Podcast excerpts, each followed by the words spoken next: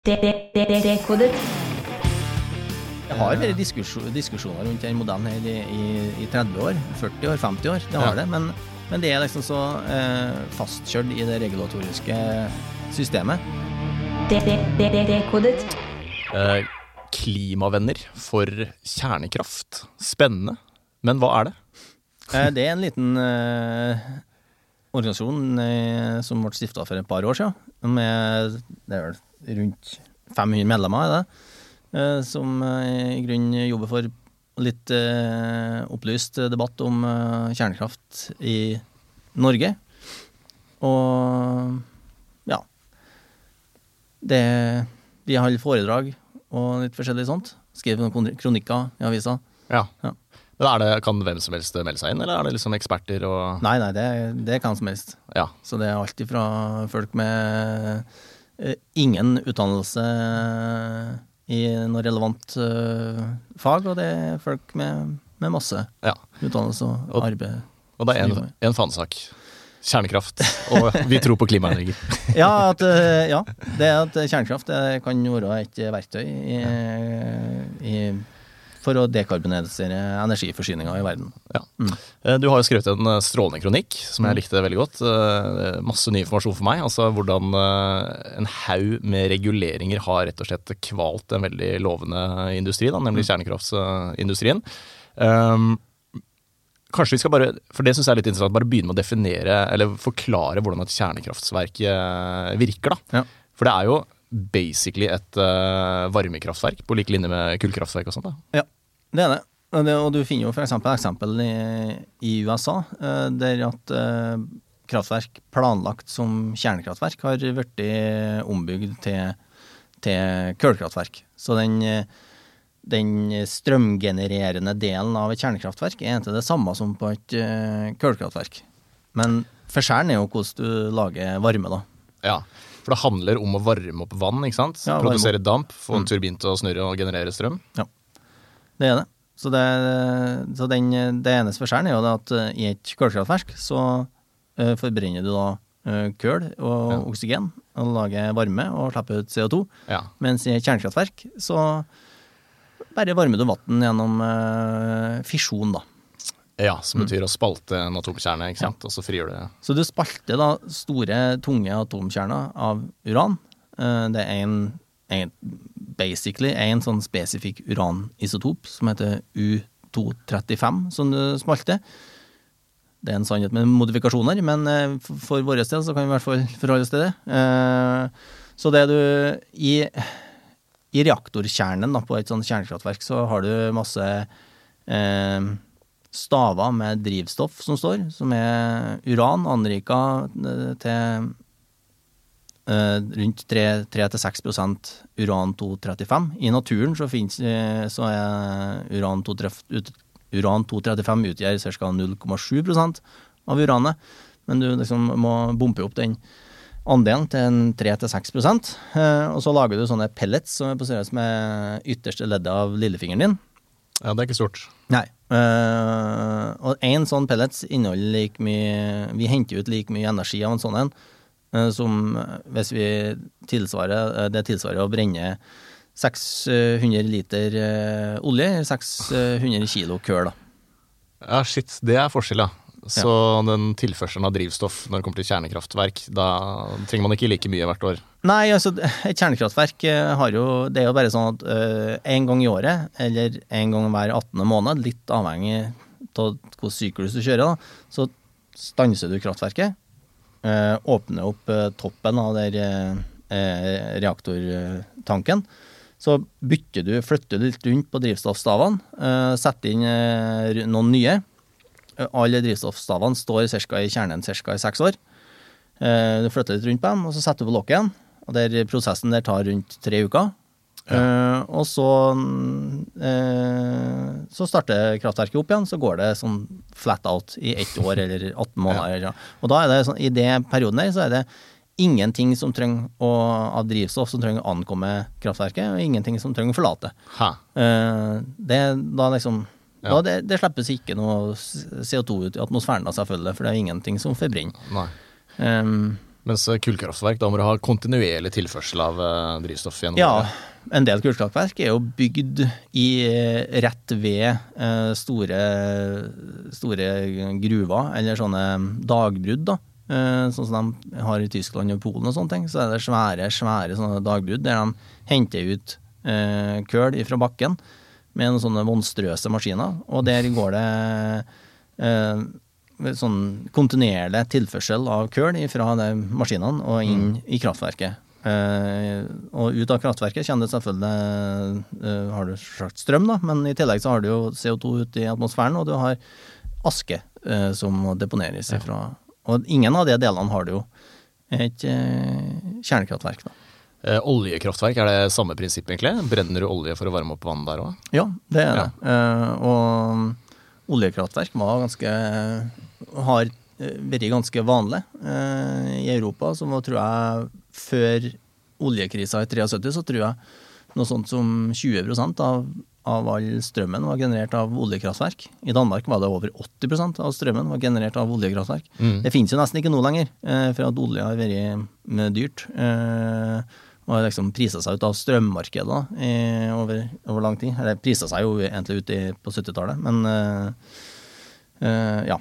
Så det er det samme. Gasskraftverk er litt annerledes. Gasskraftverk er eh, det som Gasskraftverk er egentlig nesten som en sånn jetmotor. Okay. Så du så der er det, det er et annet prinsipp igjen. Da. Der har du, du varmer ikke vann i et vanlig gasskraftverk. Der Nei, er det turbiner som du kjører i gang. Som Ja. er veldig For da har du gass fra før av, på en måte? Som, eller Ja, tenker jeg feil nå? nei, du forbrenner gassen i, en, eh, i en turbin, da. Eh, Så, så, at- som en jetmotor på et fly. Ja, ok, nettopp, ja. Og som da driver, som driver generatoren igjen. Da. Men Og- du, du varmer ikke opp vann på samme vis som du gjør på et Nei, riktig. Men det er også en kontinuerlig eh, energikilde som ikke er væravhengig. Gass. Ja, gass er jo det. Mm. Og gass er jo veldig fint med at du kan, eh, du kan justere effekten veldig raskt opp og ned. Det er litt dårligere igjen når du på kjernekraftverk og kullkraftverk, selv om det, det går an det òg, men gass er veldig, veldig kjapp. Ja. Og gass er litt mindre utslipps, eh, det er litt mindre utslipp fra gass enn det er fra olje og kull, er det ikke det? De grove tallene er jo sånn at eh, du har ett kilo CO2 per kilowatt-time på kull. Mm. 500 gram for eh, gass. 50 gram for solceller. Og 12 gram for vind og kjernekraft. Så ja, så kjernekraft er helt nede i nedre sikt, eh, sjiktet der. Eh, Ja. Det høres jo fantastisk ut, da. Så hvorfor bare bygger vi ikke masse kjernekraftverk eh, rundt om i verden? Hva skjedde, er jo spørsmålet. Ja, det er det store spørsmålet. Ja.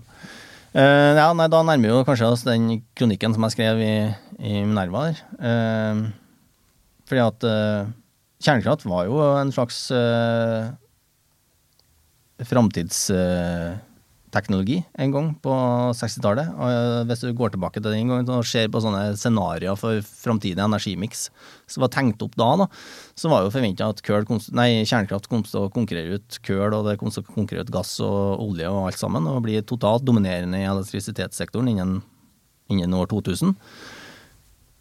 Men det skjedde jo da ikke, selv om det ble bygd ut ganske mye kjernekraft eh, etter oljekrisa i 73, så kan jo ikke på noe vis si at kjernekraftas potensial har blitt realisert. Det må man jo være helt ærlig på. Og det store spørsmålet er jo hvorfor, at, eh, hvorfor, eh, hvorfor det ble sånn.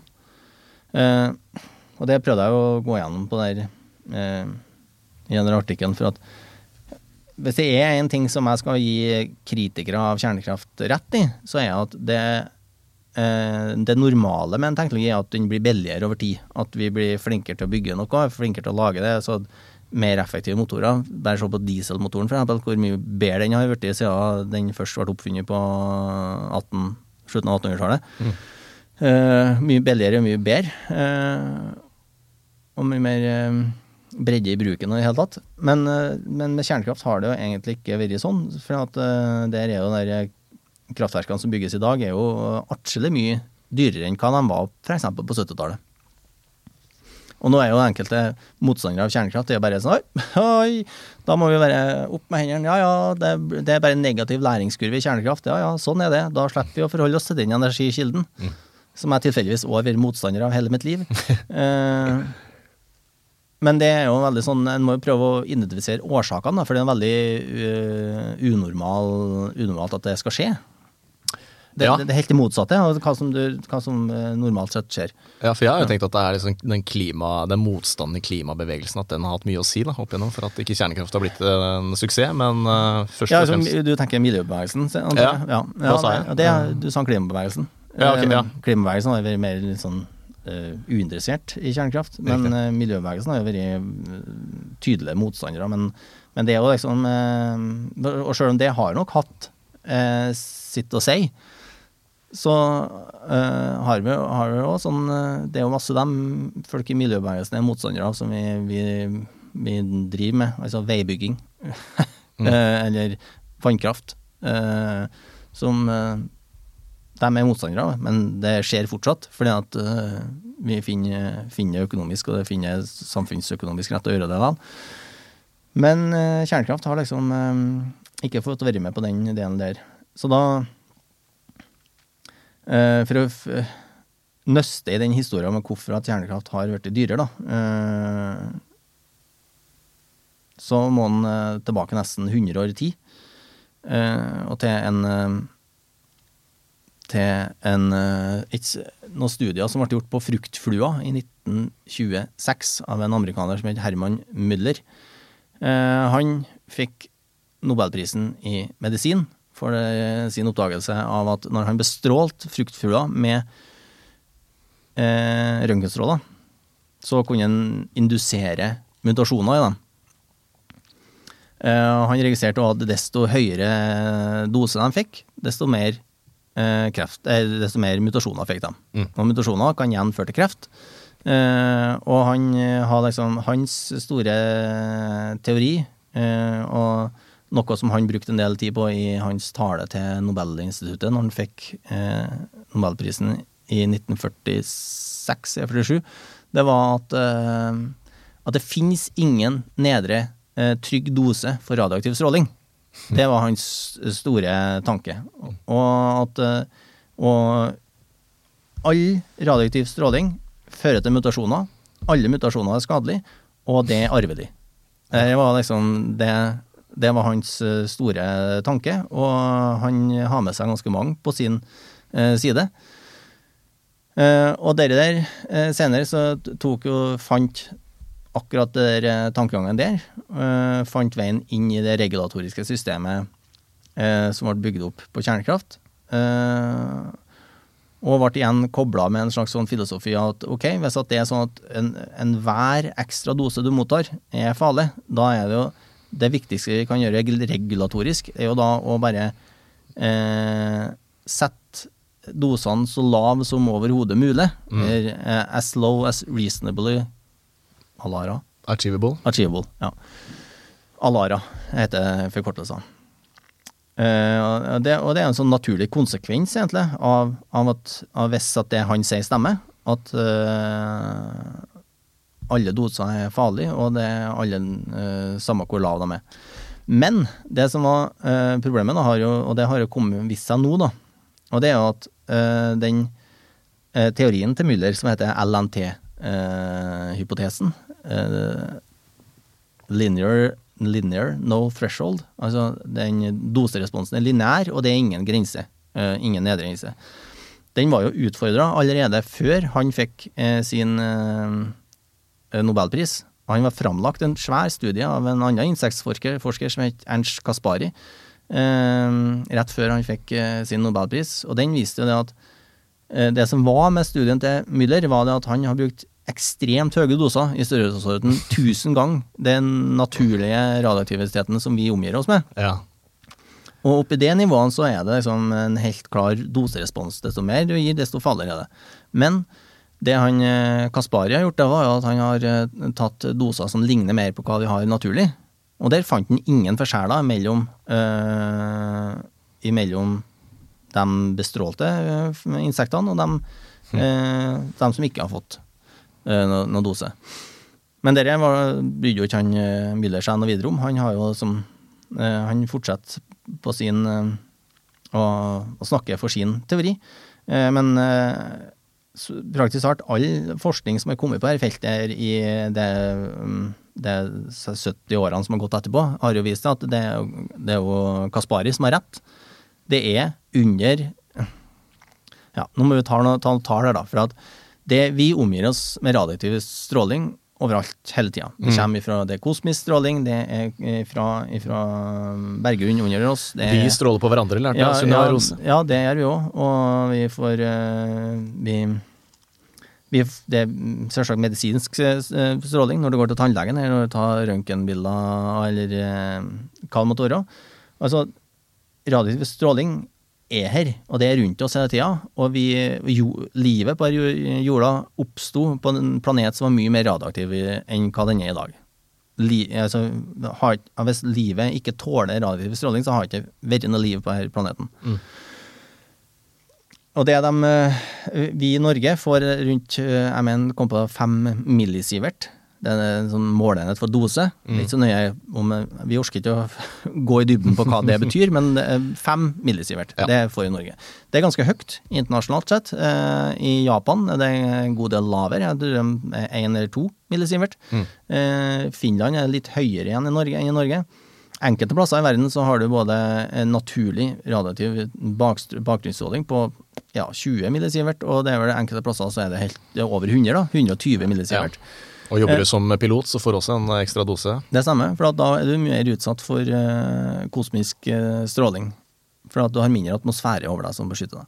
Men under 100 millisievert eh, i året, så finner vi ingen liksom, sammenheng mellom, eh, mellom at det, det kan gi nå eh, økt forekomst av Nei. kreft. Nei, 100 høres så høyt ut, i hvert Ja, det høres jo høyt ut, men, men det finnes plasser i verden som sagt, så det, som har høy, mer enn 100 eh, millisievert i året Ja. i naturlig bakgrunnsstråling. Ikke noe økt eh, kreftforekomst Nei. der. Nei, det er det ikke. Det er andre ting som er liksom mye, mye, mye, mye, mye, mye, mye viktigere. Og alt, om det er noe respons her, så drukner alt det i, i, i alt det andre som er mye, mye farligere, da. Eh, ja. Så eh, Kjernekraft, eh, sivil kjernekraft, sånn som vi kjenner det, ble jo egentlig oppfunnet i USA på slutten av 50-tallet. 1957 tror jeg den første kommersielle reaktoren i USA ble starta opp. Og det var jo en um, Shippingport Nuclear Power Plant. Det var, det var egentlig en eh, Det var ikke det første sivile kjernekraftverket i verden, men det er det første eh, av hva skal jeg si, de moderne reaktorene. Og dem, det er dem, den reaktoren der er i prinsippet det samme eh, reaktoren som det vi bygger i dag. Ja, Nei, den- 57, var det det? Hæ? I 57. 57, ja. 57. Ja, men uh, russerne har starta opp en sivil, uh, i anførselstegn, eh, sivil reaktor før. eh, og, og britene har starta opp en. Men dem, det er helt sånn fundamentalt annerledes teknologi og annet system. Så den bestefaren til de reaktorene vi, vi bygger i verden i dag, og de som er liksom de som er, produserer strøm i dag, dem, den ble bygd i Shippingport i USA i 1957. og Det var, det var en slags sånn Det var en, en, en, bare en oppskalert versjon av en um, reaktor som ble bygd for uh, ubåter i USA. Mm. Så det var Og den, den jeg, tror den sto, jeg tror den produserte strøm i 30 år, 35 år, ikke noe sånt. Yes. Ja. Veldig eh, Altså, det var ikke den, det var ikke den billigste, det var ikke den enkleste måten å lage, lage varmt vann på, men det var den tryggeste og den beste måten å gjøre det på. Ja, Ja. Den ble bygd før alle disse reguleringene kom. Så. Og den ble også egentlig bygd før, der- før de massive reguleringene kom. Eh, For det som har skjedd videre utover, utover eh, 60-tallet, det var at 60-tallet var litt som de ti årene vi har lagt tilbake oss nå. Det var en tid med veldig, veldig billig energi. Eh, Køl var billig, eh, og for at det var lite reguleringer på køl. Eh, olje ble veldig billig, for at plutselig begynte de å pumpe opp olje i Midtøsten, og de fikk store tankbåter som gikk eh, og kunne levere olje kjempebillig til både USA og Europa. Mm. Eh, og olje ble så billig at de, eh, de switcha fra kullkraftverk og til oljekraftverk, fordi at eh, det var det var billigere å lage strøm med, olje. Mm. Men i tillegg så begynte de å bygge General Electric og Westinghouse i USA begynte å bygge sånne trykkvannsreaktorer. da. I, og de, og de albua seg inn på det markedet her, som var, som det var knallhard konkurranse. Skamlave eh, strømpriser, men likevel greide de å albue seg inn på markedet. Og Ha. lage reaktorer som solgte eh, strøm eh, som var billigere enn både kull og, olje. Uh, og nå, jeg må bare presisere at vi snakker veldig Her er veldig sånn uh, Mye av det jeg skal snakke om nå, er veldig sånn USA-spesifikt. Så det er ikke akkurat likeens. Det har ikke fulgt akkurat samme historie i, i Europa. Men, men Så det er sånn litt sånn spesifikt USA. Men alt det som skjer i USA, har jo en tendens til å sånn, Ja. ha noen spillover-effekts eh, til Europa. Uh, ja. Så i 73 så invaderte uh, Egypt invaderte Israel i Jom Kippur-krigen.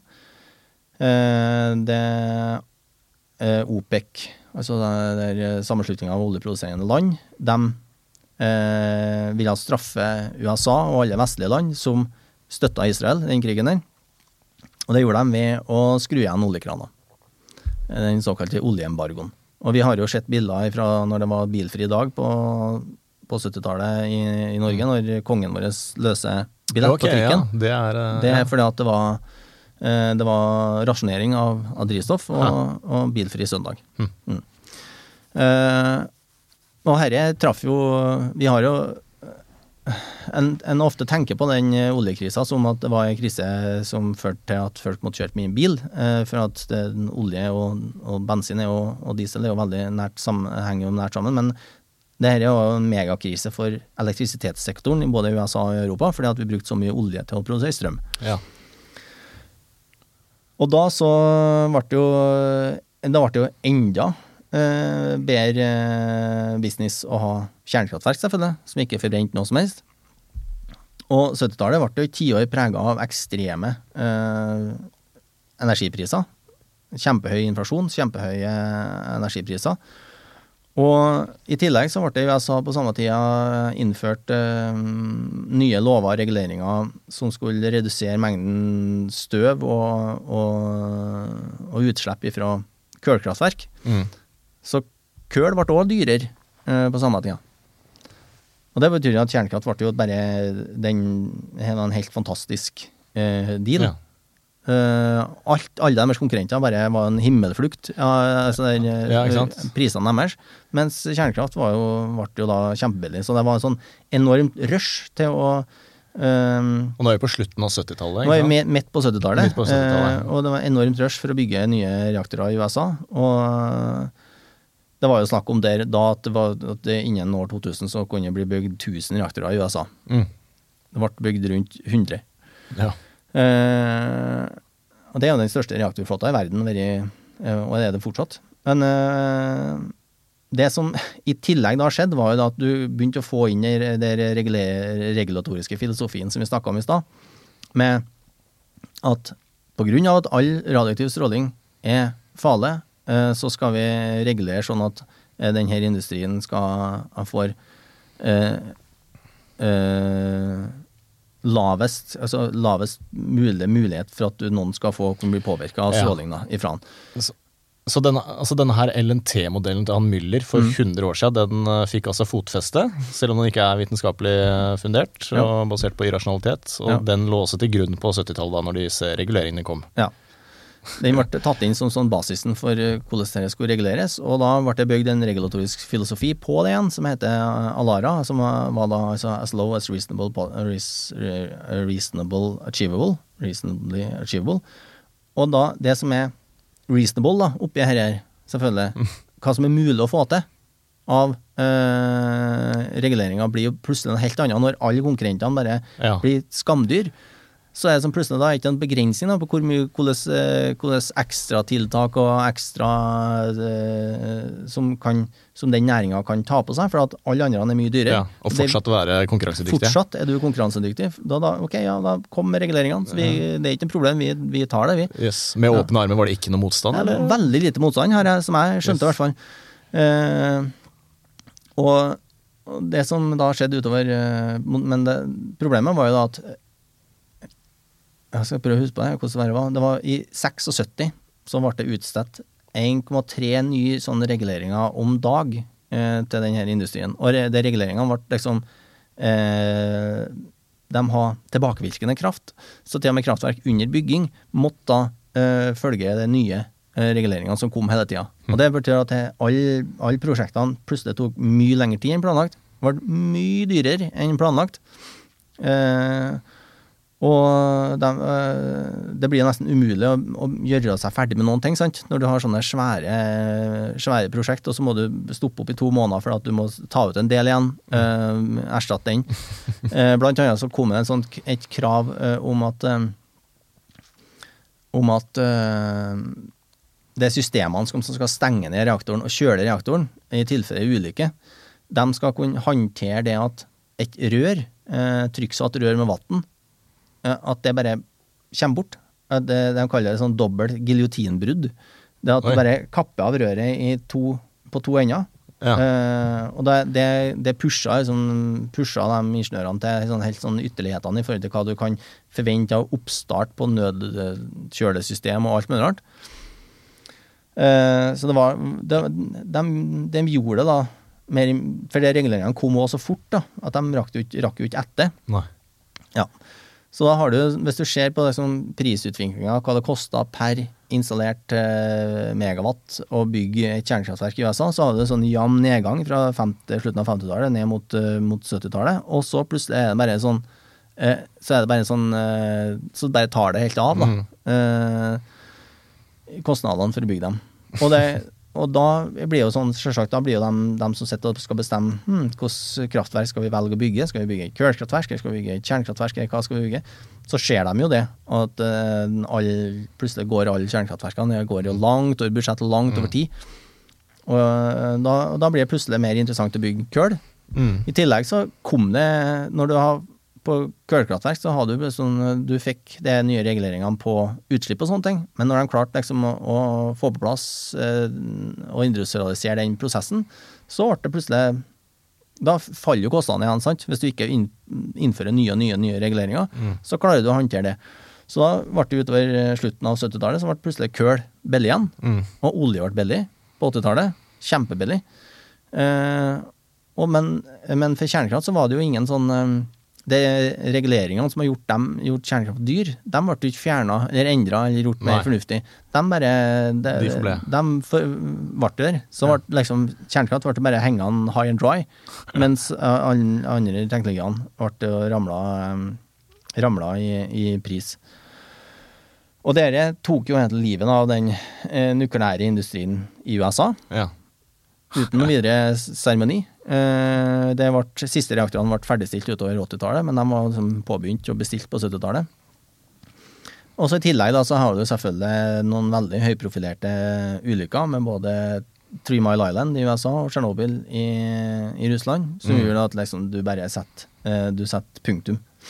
I Ja. Europa så var liksom, den historien ikke helt like i Europa, for reguleringene kom ikke like fort, og like, var liksom ikke like De var ikke like de, Strenge. de lessa ikke på reglene, okay. som de gjorde i USA, men de kom hit òg, etter Ja. hvert. Og det ser du på sånn som Frankrike, for eksempel, da, som har bygd mest reaktorer i Europa, som har bygd, bygd vel over 60 reaktorer. Eh, de òg ble litt dyrere etter hvert utover eh, 80- og 90-tallet, men ikke sånn veldig. eh, For de klarte å liksom eh, Ja, de bygde samme type reaktor, i, og de, de klarte å industrialisere den prosessen og ta inn reguleringene som gradvis. Men så, ut på, eh, for hele Europa sin del, så var det jo slutt på å bygge reaktorene etter eh, Tsjernobyl. Og, og i det som det i, i det, det, det 40, snart 40 årene som har gått etterpå, så har det jo egentlig vært det Kjernekraft har jo det beste kjernekraft kan håpe på, har vært å bli ignorert. Og i verste fall så har det jo vært eh, med, med politikk i hånd eh, avvikla eh, Ja. Europa. Så når Europa da skulle begynne på å bygge reaktorer igjen nå eh, rundt eh, år 2000, og sånne ting, så var jo egentlig den kunnskapen som satt i veggene og satt i fingrene, og, og sånne ting, den var borte. ja. Det var tørke i, siden 80-tallet, ikke sant? Ja, ja. Eh, og da gikk det jo omtrent som det måtte gå, da. Uh, når de skulle begynne å bygge uh, Ble ikke noe billigere da? Nei, det ble ikke noe billigere da. Så da, da var de plutselig på amerikansk nivå på byggekostnader igjen. Men det, det som er så fascinerende her, synes jeg da, det er at altså, disse reguleringene er jo basert på en modell som beviselig er feil. Altså, jeg synes det er så sjukt at den LNT-modellen til Müller har fått fotfeste. da. Ja. Hvis man rett etterpå eller i samme periode visste at nei, det fins en nedre grense hvor det ikke lenger er farlig. Eh, også utover 70-tallet så bruker man, bruker man den i dag, LNT-modellen. Ja. Linear no threshold. Ja. Så man sier i dag at Med visse modifikasjoner, så vidt jeg skjønner, at du, du har en sånn cutoff med veldig veldig lave verdier, så bruker de som regel Yes. ikke å regne inn det. Men, men hvis at du for eksempel ser sånne eh, eh, voldsomme tall på eksempel hvor mange som har dødd angivelig fra Tsjernobyl-ulykka, ja, så er det bestandig brukt LNT-modellen. At du har veldig lave doser spredd utover et enormt antall folk.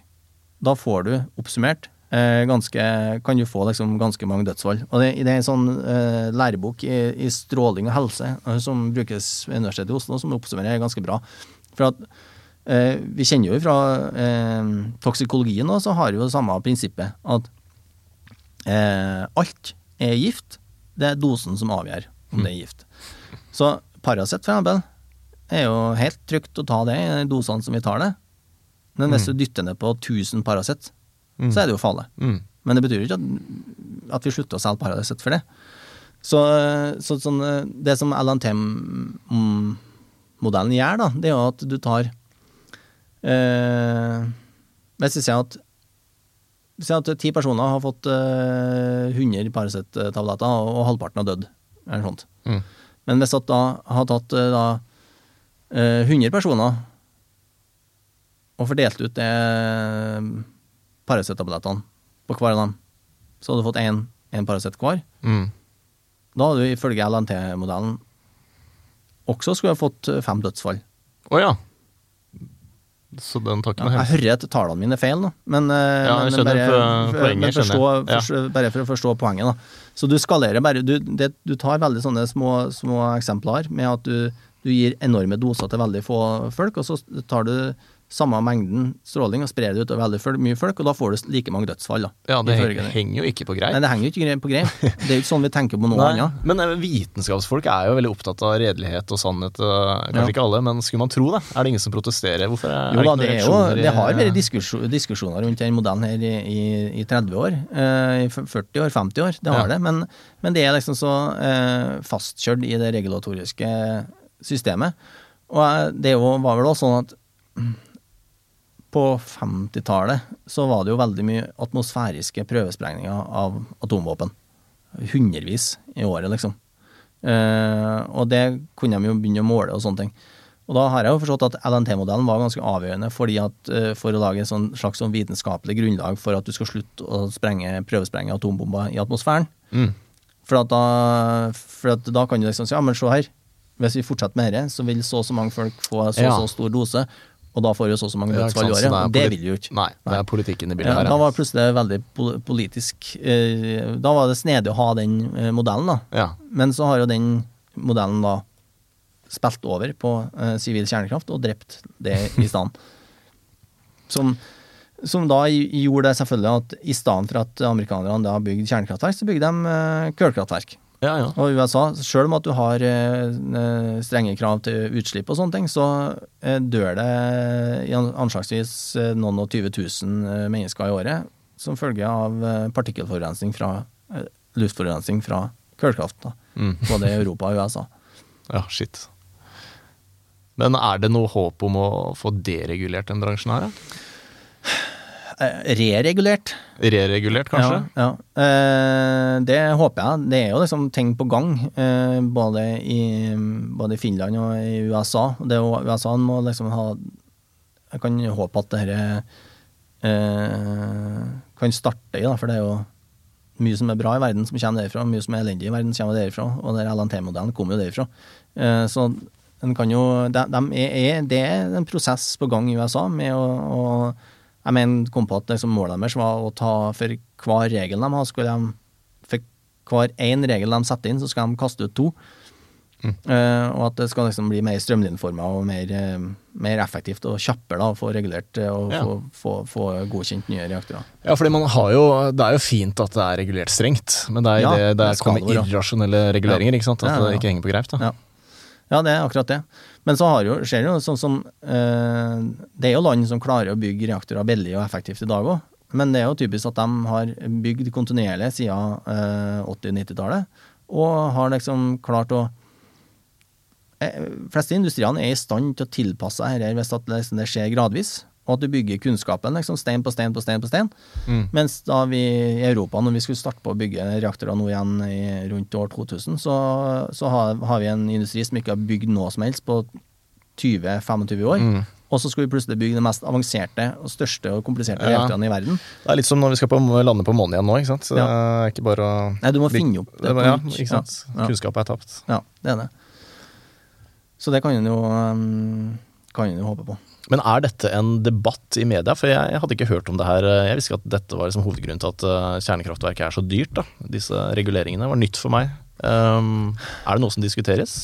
Mm, eh, ja, lite grann, ja, men det er jo litt sånn sært og nerdete, Ja. smalt. Det Først må du bli interessert i kjernekraft, og så må du liksom lese opp på det, og hvorfor du trenger det, og i det hele tatt. Og så må en jo prøve å, å dykke seg ned i, i tallene og prøve å finne ut eh, Mm. hvorfor, det, eh, hvorfor ting er som det er. Men eh, det er jo Ja, For det krever jo politisk vilje da, for å få det til, hvis man skal få noen endringer her. Ja, det er akkurat det. For det er, vi er helt avhengig av å reregulere det her for at det skal bli kostnadseffektivt nok. Det vet jeg ikke. Det kan jeg ikke si for sikkert. Det- Det kan godt hende at det går an å bygge opp en eh, effektiv eh, industri igjen i Europa med de reguleringene vi har. Det, det er mulig, det vet jeg ikke. Eh, og mener, altså industrien mener jo det sjøl, at det skal gå an å bygge reaktorer som, er, som kommer ut med strømpris på rundt 50 øre per kilowattime i dag i Europa. Men det vil kreve altså, bare, det bare det vil jo kreve liksom, politisk mot, og at du at du Dette kommer ikke til å oppstå av seg sjøl, liksom. Mm. Så, eh, så først må du ha politisk mot til å begynne å bygge de reaktorene og teknologiene som vi har i dag. Og så må en jo i neste omgang igjen prøve å, å ha eh, framsyn og vett nok til å skjønne at dette, hvis vi regulerer her, industrien her rett, så kan vi jo få en helt sånn da er det ikke bare snakk om sånne eh, de reaktorene som vi har i dag som produserer strøm. Det er masse greier som vi trenger for å lage altså høytemperatur, damp eh, til industriell eh, varme. Vi trenger eh, varme til fjernvarmenett. Vi trenger eh, hydrogenproduksjon. Det er så mye greier som vi trenger. Mm. Og alt det- Utslippsfritt. Utslippsfritt, ja. Og alt dette eh, vil bli mye enklere hvis vi har en fornuftig regulert nukleær industri. Eh, Er det noe dere i Klimavenner for kjernekraft eh, kjemper for? At eh, det skal rereguleres? Er Nei, jeg kan ikke si at vi har jobba så mye akkurat med det. Det burde vi sikkert jobba mer med. Men det er nesten vanskelig å vite hvor en skal, begynne, ja? hvor skal begynne nøst hen. Ja, eh, omtrent. Så først må, du, ja, først må du forstå at her er den teknologien vi har i dag, Mm. er bra. Eh, Det burde vært bygd mer av. Der er det jo et skifte. Det er flere og flere ja, som begynner å innse at det her er, eh, her er muligheter. Det er det. Eh, og det er jo spesielt selvfølgelig klimasaken, uh, men òg for Europas del så er det jo helt åpenbart at den forsyningssikkerhetsdelen er jo helt, eh, Mm. Ja, helt sant? åpenbar. Plutselig Ja, ja. at har kommet tilbake at det er litt dumt å være avhengig av, en, eh, av noen rørledninger som går gjennom eh, sjøen, og noen diktatorer i andre enden som Ja. eh, Det har vi lært. ja. Dette argumentet med, at, eh, med radioaktivt avfall, er det et godt argument? For det er jo ganske lite, har jeg skjønt. Det er jo lite i volum, men klart at brukt brensel, da, når det kommer ut av reaktoren, så er det helt åpenbart kjempefarlig. Det er ikke noe, det er ikke noe, det er ikke tvil om. Men nå har vi jo håndtert brukt eh, brensel fra sivile reaktorer i over 50 år, uten at, så vidt jeg er bekjent, et eneste menneske har dødd.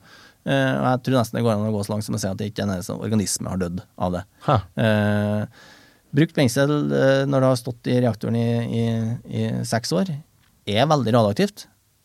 Når det kommer inn i reaktoren, så er det jo radioaktivt, men ikke så veldig. Da kan du liksom ta på det med Du kan være i samme rom som det og sånne ting. Men når det kommer ut av reaktoren, så, så, så kan du ikke det. Da vil du måtte dødelig dose på noen få sekunder hvis du er i, sånn, i samme rom som det. Men eh, radioaktiv stråling er veldig enkelt å håndtere, for det er bare å eh, Vann, eksempel, er en veldig effektiv måte å, okay. å stoppe stråling på. Så eh, i vår så var jeg besøkte mellomlageret for brukt brensel i Sverige, som da lagrer brukt eh, brensel fra 40 år med svenske, drift av svenske reaktorer. Og det er to sånne svømmebasseng eh, under bakken. Og der eh, sto jo vi over eh, da var det åtte meter med vann, tror jeg, mellom oss og, og drivstoffet. Men du har vel kunnet være litt sånn to meter, mener de sa. Og der er jo liksom, det er ingen, ingen radioaktiv stråling. Og vann er jo liksom ikke en sånn høyteknologisk, avansert, eh, fancy greie. Det er vann. Mm. er ikke, det er ikke mer med det. Yes. Uh, og det stopper radioaktiv stråling veldig bra. Uh, og så er jo forskjellige land her og her på forskjellig vis, men uh, de fleste har det brukte brenselet stående 5-10-20-30 år eh, i, under vann. For da på sett og vis kan jeg si at det freser ifra seg. Da, for at noe, når noe er veldig radioaktivt, sånn som det er når det kommer ut av, av, eh, av eh, reaktoren, så fisler det jo veldig fort ut. da. Så eh, etter noen, noen år så er liksom 99,9% av radioaktiviteten borte. Ja, ok.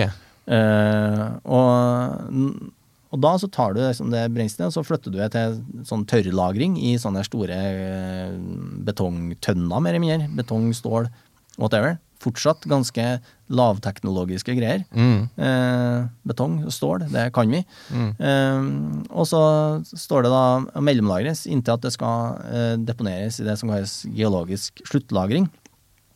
Som heller ikke er veldig teknologisk avansert. Det er, da tar du det brukte brenselet, tar det med 450 meter under bakken, og så putter du det ned i et høl. Og det står det jo da, og ikke gjør så veldig mye.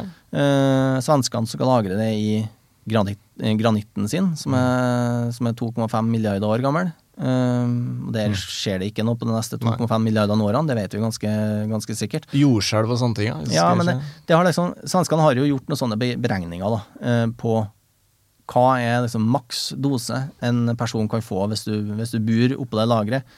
Eh, alle alle våre konstruerte barrierer eh, forsvinner eh, 450 meter ned i bakken. Eh, det går høl på alle containerne.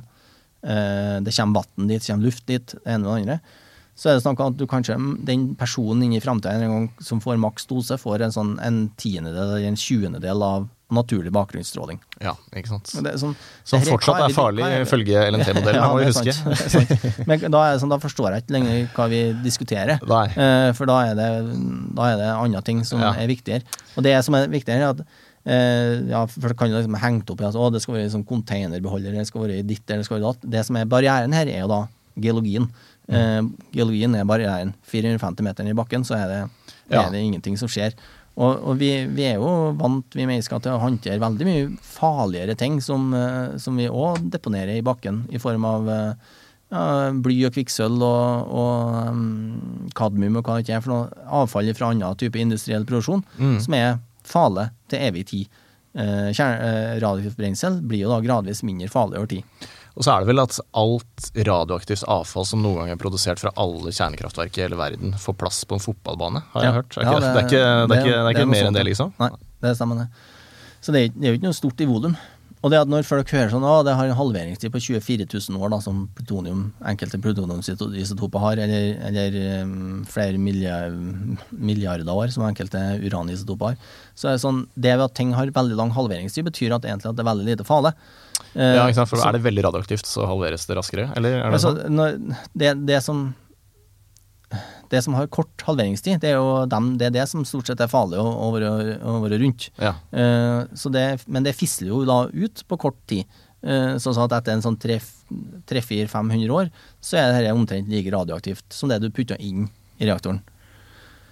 Eh, så er jo tilbake på det igjen. Så om, om, om vikingene har hatt eh, en reaktor og kasta fra seg eh, drivstoffstravene i, i Mjøsa, så har det liksom ikke vært noe problem å plukke opp dem og holde i dem nå igjen. Nei, det er eh, eh, Ja. Ja. Sjukt. Eh, men den der, eller jeg har hengt meg helt opp i den LNT-modellen. Jeg syns det er så fascinerende. Men, for det er ikke bare at det er en idiotisk modell, sånn jeg har skjønt det, men den har jo også tatt liv. Eh, Fukushima skriver du inn i kronikken. Mm, Der var jo var det 160 000 mennesker som måtte evakueres pga. LNT-modellen som lå til grunn. Og så var det 1600 mennesker som døde under evakueringen. Ja. Som ikke egentlig hadde trengt å bli evakuert, fordi stråledosene var såpass lave. Ja. eh, Det er dosene Det er dosene som en, sånn, en hypotetisk person da, som har stått utendørs i den, eh, i den byen som fikk mest nedfall. Og Hvis han måtte ha stått utendørs hele, under, altså, eh, under hele den måneden da hva skal si, ulykka foregikk, ifra, ifra, ifra tsunamien og til, til hendelsen var liksom over, eh, da han kunne ha fått det omtrent sånn, eh, det samme som du får når du tar røntgenbilde av brystet. Ja. Så det, det, det, er jo, det er jo ikke noe vi bryr oss om. Det er jo egentlig en stor tragedie, da. Ja, det er en kjempetragedie. Eh, og det er helt eh, men, men det òg er sånn eh, Sånne evakueringsplaner er jo Da bygger jo, bygger jo da på LNT-modellen mot all eh, stråling og fale. Mm. Så da er det jo klart at da må, jo, må jo folk evakueres. Men evakuering er jo kjempefarlig, og spesielt sånn som i den kaotiske situasjonen som var i, i Japan etter tsunamien og sånne ting. Så var det den, sånn, en rusha evakuering der, spesielt av eldre og syke, som har hatt mye, mye bedre om de bare vært på, Ja, ja. på sykehjemmene sine. Eh, har jo da ført til, til faktisk reelle dødsfall. Mens eh, den strålinga som eh, kom fra reaktorene, har jo aldri kunnet ha gjort det.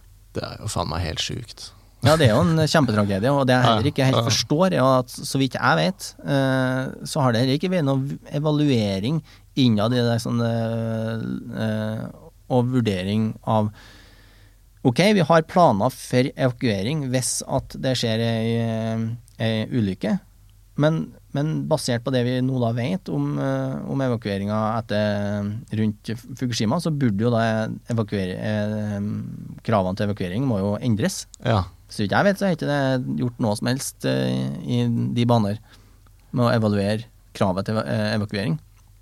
Men det ja, gjøre. det er også helt eh, hårreisende. Altså, Så det, har de anerkjent at uh, 1600 mennesker har dødd ja, av det er, ja, det, så vidt jeg vet, så er det ganske sånn helt eh, Det er konsensus om det, at den evakueringa var Ja, men på et litt tynt grunnlag, da. At eh, At det, At det det ført til evaku Ja. evakueringa førte til så og så mange dødsfall, ja, det er ganske enighet om.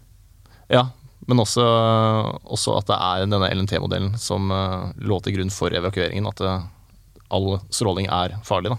Ja, det, altså det, det antar jeg bare. Jeg, jeg vet ikke helt. eh, Men det, den eh, LNT og Alara ligger jo til grunn for alle reguleringene som er i den industrien. Mm. Hva tror du om eh, kjernekraft framover, da? Er du optimist? Her må vi reregulere, og vi må kanskje revurdere denne LNT-modellen for at det her skal bli noe. Ja, jeg, jeg, jeg tror det. Jeg sånn, eh, jeg tror vi eh, gradvis kommer til å, å ha en oppvåkning til å forstå det at det vi har holdt med de siste 40 årene har vært ganske feil med å motarbeide denne eh, teknologien. Og det er jo sånn, det, det har jo skjedd før med teknologiske ut, utviklinger. Folk har liksom vært livredde livredd for eh, om det var elektrisitet, eller om det var genmodifisering, eller om det er Eller om det var eh, poteten. Folk var jo redd for å ete potet når den kom, eh, for den var jo dyrka under jorda, og det var jo djevelen holdt jo til der. Så du fikk masse potetprester som for rundt og fortalte om eh, potetens eh, eh, over- overtreffelighet. Så kan jo si at eh, klimaet for kjernekraft er dagens eh, potetprester. Eh, Men eh, uansett, så er det er ikke noe nytt at vi mennesker er redd for eh, eh, nye teknologier eh, og ting vi ikke helt eh, skjønner noe av. Så jeg tror at eh, det har vært en slags modningsprosess på akkurat det, det med kjernekraft, og at den kommer til å bli regelregulert. Men i første gang så kommer det også til å bli en, en bygd det klassiske, vanlige reaktorene som vi har tilgjengelig og som vi, som vi kan, de, det kommer til å komme tilbake. Grunn selvsagt først og fremst det med, med Eh, ja, jeg skulle si først og fremst det med klima, men jeg tror kanskje først og fremst for Europa sin del nå, så er det det med forsyningssikkerhet som ennå Ja. kommer til å Mm. uh, Tvinge det fram. tvinge det fram. Ja. Mm. Uh, og i tillegg til at den anti-kjernekraftbevegelsen som har vært i Europa, er jo i stadig mer geriatrisk forfatning. Det er Ja, en, De begynner å dra på åra, ja, det er mye rullator ute og går der. Eh, Så de, de, og det kommer ikke så veldig mange nye til i den bevegelsen her. Det er jo tvert imot heller ganske mange unge som, eh, som, som sterkt arbeider for at dette skal bli en større del av energisammenhengen. Og så må den rereguleres for at det liksom skal virkelig slå ut i, i all sin blomst. Det tror jeg òg. Mm. Det kommer jo en del sånne nye kommersielle aktører på markedet nå. Rolls-Royce eh, Mm. driver med sånn pilotprosjekt, tror jeg. De bygger sånn small modular reactors, minireaktorer. Ja. Eh, Bill Gates driver og fikler med et eller annet, veit jeg. Mm. Men eh, reguleringene, er kanskje så, er kanskje så strenge der også at det er vanskelig å Jeg, det, jeg tror du må skille litt mellom uh, de reaktorene som skal bruke vanlig, vanlig sånn trykkvannsreaktorteknologi, eller vanlig, vanlig reaktorteknologi, bare at de er mindre versjoner av dem, sånn som Rolls-Royce og GE Hitachi og sånne ting, som skal bygge helt vanlige reaktorer med vanlig drivstoff og med vann som moderator og, og alt sånne ting. Det kommer til å komme for fullt i her tiåret her. Og så tror jeg kanskje at sånn som det Bill Gates-prosjektet og flere andre sånne fancy greier som er, baserer seg på litt annen type drivstoff og annen moderator og sånne ting, kommer til å Det kan kanskje ta litt lengre tid, men at de sikkert har hatt behov for mer fornuftig regulering. I Første gang så tror jeg nok det, det er de eh, Det som baserer seg på det regulatorene kan og forstår, er Mm. det som kommer til å Ja, kom først. at det lønner seg å gjenbruke den oppskriften de Ja da, ja, og det, den er bra, den oppskriften der. Altså, det er ikke noe, det er vei for den. Nei. Og det er, sånn, jeg har jo fulgt med på dette feltet siden eh, midten på 2000-tallet. Og eh, det jeg liker med det at det jeg hører fra liksom, ja, Rolls-Royce og GI Touch og sånne ting, det er at de, de med og sier at vi skal ikke finne på noe nytt. Vi skal ikke gjøre noe annerledes. Vi bruker alt, Samme prinsippet. samme prinsippet, samme pumpene. Bare mindre skalering. Ja, litt mindre skalering, så at, det, så at du kan eh, få bygd flere og få, liksom, lære, få det lærekurven i gang fortere. da. For det som Ja. er sånn problemet med sånn, reaktoren som ble, har, som ble ganske nylig ferdigstilt i Finland, var jo at som jeg snakka om, var jo at de begynte å bygge en kjempesvær, kjempeavansert reaktor med en industri som ikke har bygd noe særlig på 20 år. Eh, og det er greit nok, det, hvis at du bare tenker at ok, her er first of a kind, vi må lære masse, den kommer til å bli dyr, den kommer til å gå over tida. Eh, men det er jo ikke det de gjorde, de sa jo at vi skal bygge dette på fem år, og det kommer til å bli kjempebillig. Det ble det jo ikke. Eh, men problemet når du bygger så svært, da, det er at du kommer liksom ikke i gang med nummer to. For det å bygge den første store mega, det første store megaprosjektet knekker ryggen på selskapet ditt. Det er at du, det, du, du kommer ikke videre. Men hvis du kan bygge en reaktor som er en sjettedel av størrelsen, eller halvparten av størrelsen, en tredjedel av størrelsen, så kommer du fortere i gang. Ok, den første, den ble dyr, den tok for lang tid, men nå vet vi hvordan vi skal bygge den. Nå har vi den mellom fingrene, så da bygger vi neste, og da blir den litt billigere, og så får du liksom Du kommer i gang fortere da, med den lærekurven. Ja. Og det tror jeg de tenker er veldig rett. Og sånn sånne norske firmaer som fra Bergen, som nå da driver og skal, vil prøve å bygge kjernekraftverk i Norge. Som Er det Sunniva Rose Ja. sitt firma? Kjernekraft AS? Det ikke? det norsk, jeg tror det heter Norsk Norsk, Kjernekraft Kjernekraft, AS. AS, ja, som er det verdens beste navn. Ja, det er helt konge. ja, så fint at det ikke heter sånn uh, Eir eller eh, Ja, ja. sånn eh, Ja, sånn der fancy som han betalte én markedsførings- million for. Ja, for ja, å, fancy markedsføringsgreier, men som er helt uforståelig. Nei, det er helt, eh, helt Norsk. Kjernekraft AS. Helt tydelig hva de skal. Klokkeklart. Ja. ja. Så det er ti poeng for det navnet der.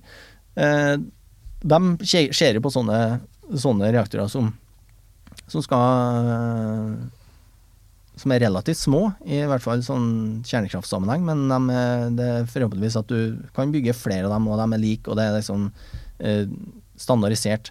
Og da håper jeg, Litt av håpet er jo at du kan få til å, at det her, er- ok, den går gjennom regulatoriske systemet i USA, så skal det være enklere å få det gjennom Mm. i Europa. Mm. For at de, du skal ikke lage noen forskjellige versjoner av annerledes. enn en sånn, du skal ikke gjøre sånn de, Det er ikke som eh, Du skal ikke bygge helt sånn flyplasser, at du Mm. bygger forskjellige ting på forskjellige plasser på forskjellige gang. Det er samme greiene Ja. hver eneste gang. Mm. er i oppskrift. En oppskrift. Mm. Men eh, tenker du at det er en god idé med kjernekraftverk i Norge? Trenger vi det? Kanskje når det kommer til energisikkerhet? Men vi produserer jo utslippsfri energi her, da.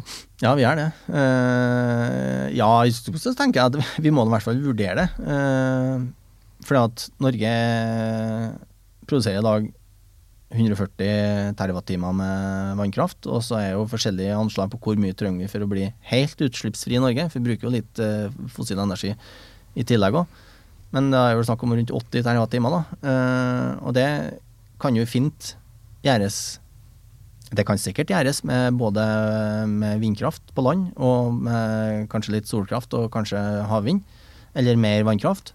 Det går sikkert an, det. Altså, de fleste ser jo på det og mener at det liksom det er veien vi skal gå.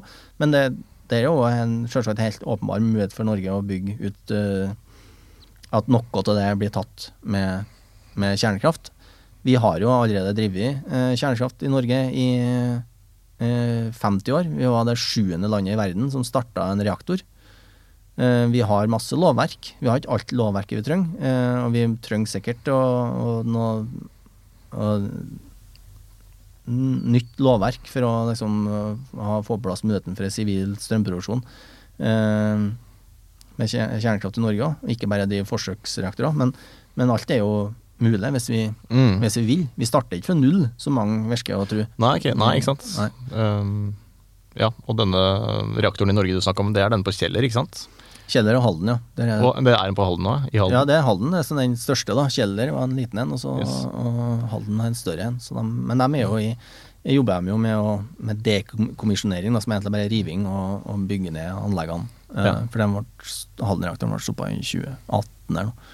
Og den på Kjeller er bare brukt, blitt brukt til testing og eksperimentering og sånne ting? Ja, begge de to er veldig er, mm. testing og eksperimentering. Veldig eh, Ja, de var veldig anerkjent eh, internasjonalt for sin kapasitet og sin eh, forskning. eh, det miljøet der. Mm. Dette er interessant. Altså For å oppsummere her, da, så har vi altså Dette er altså en industri som har blitt kvalt av eh, hinsides mange reguleringer eh, opp gjennom tida. Og det er eh, reguleringer som er basert på en modell som ble utforma for 100 år siden, som ikke er vitenskapelig fundert, som beviselig er feil. Eh, og derfor er det også blitt eh, ekstremt dyrt å bygge. Eh, Det er jo en god oppsummering. ja, men det er, jeg må bare anbefale folk å lese den kronikken din, da. Fordi hvor er det den var Minerva-nett? Ja. Minerva. Ja. Den het vel det. Hvordan Hvordan kjernekraft floppet. Ja, anbefaler å lese den. Øystein Hegdal, du er agronom, klimavenn for kjernekraft. Stemmer. Noe mer? Ja, jeg jobber som journalist. Takk for praten. Ja, selv takk. Denne podkasten er produsert av Tid og list!